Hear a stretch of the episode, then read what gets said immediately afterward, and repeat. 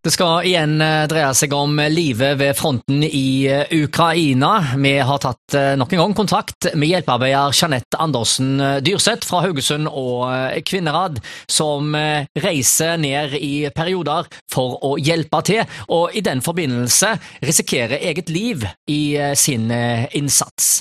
I dag skal vi annet snakke om hvordan hjelpearbeiderne blir mottatt av lokalbefolkningen. Reporter er Thomas Johannessen. Vet du hva, Det er utrolig bra. Eh, de lokale der nede de er så takknemlige eh, og så vennlige. Og de setter så pris på at vi har på en måte forlatt det trygge livet vi har hjemme i, i, i landene våre. Eh, så de, de, er så takknemlige. Så vi blir veldig godt tatt imot av sivilbefolkningen og, og militæret og, og, sykehusene og alle. Det, det, er veldig bra. Hvordan opplever du egentlig støtten fra Norge og ellers av den vestlige verden nå for, eh, kontra for eh, et halvt år siden f.eks.? Vi ser jo det at eh, det har stoppet litt opp.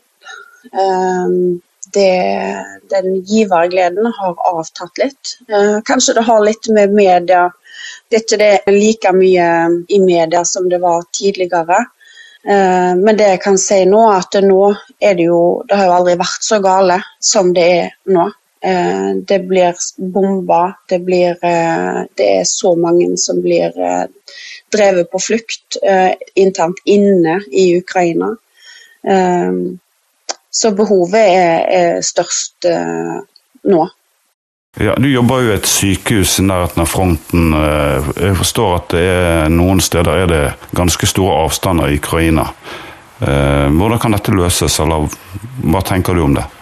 Nei, det som er sånn, Jeg kan snakke om situasjonen i Donetsk f.eks. Eh, I hele Donetsk-regionen er det ett sykehus som kan eh, ta imot og kan gjøre operasjoner og sånt. Eh, de har òg flere stabiliseringspunkt. Det er bare et sånt lite feltsykehus hvor de blir stabilisert og så blir transportert videre til Kramatorsk. Um, og det jeg kan si der, uh, Til daglig så kommer det inn ca. 120 uh, pasienter hver eneste dag til sykehuset der. Det, der vil vi se en økning nå, etter hvert som eh, den eh, offensiven nå starter. Så vil vi se et, eh, at det øker betraktelig.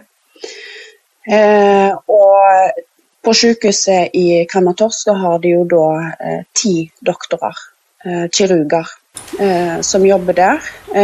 og når de blir på en måte stabilisert der igjen så blir de sendt videre til Dnipro, eh, og det er fire timer. Og det, En av de utfordringene som vi har på sykehuset i Kramatorsk, det er jo det at de har en behov for uh, en MR-maskin. De har en CT, men med en MR så kan de gjøre litt uh, litt andre um, undersøkelser. Så vi òg jobber jo mot å få, få nok midler til å skaffe en sånn MR-maskin. Nå har vi samla inn 130 000 til nå eh, til den maskinen. Ja, Hvor mye trenger dere totalt for en maskin? Sju millioner. Behovet for eh, hjelp og økonomisk eh, bistand er større enn noen gang, sier altså Jeanette Andersen Dyrseth, som er hjelpearbeider ved fronten. Og de venter altså en voldsom økning i antallet pasienter inn på sykehusene i forbindelse med den offensiven som en nå har eh, så vidt begynt med. Reporter i innslaget var Thomas Johannessen.